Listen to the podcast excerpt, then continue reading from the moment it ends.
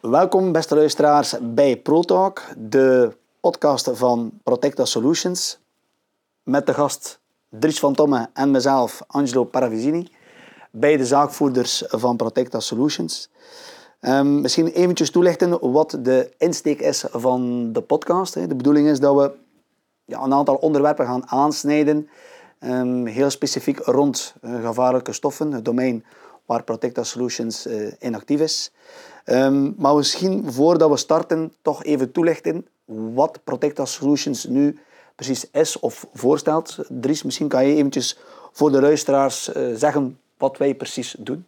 Eh, zeker, heel graag. Uh, dus Protecta Solutions uh, is specialiseren in opslagsystemen uh, voor gevaarlijke stoffen. Mm -hmm. um, in de brede zin van het, van het woord. Daarnaast ook een aantal oplossingen om het veilig omgaan met gevaarlijke producten.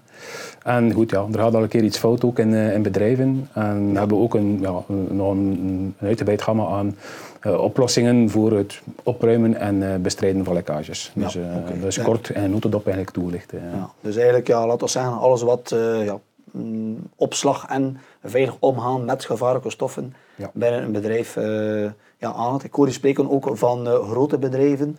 Uh, ja, ik veronderstel dat dan ook kleine bedrijven zijn. Ja, we proberen niet in hokjes te denken, hè, maar goed, laten we zeggen dat uh, inderdaad in grote bedrijven er wel wat bewustzijn is in de omgang met gevaarlijke stoffen. Mm -hmm. in kleine bedrijven is dat soms wat, wat, minder.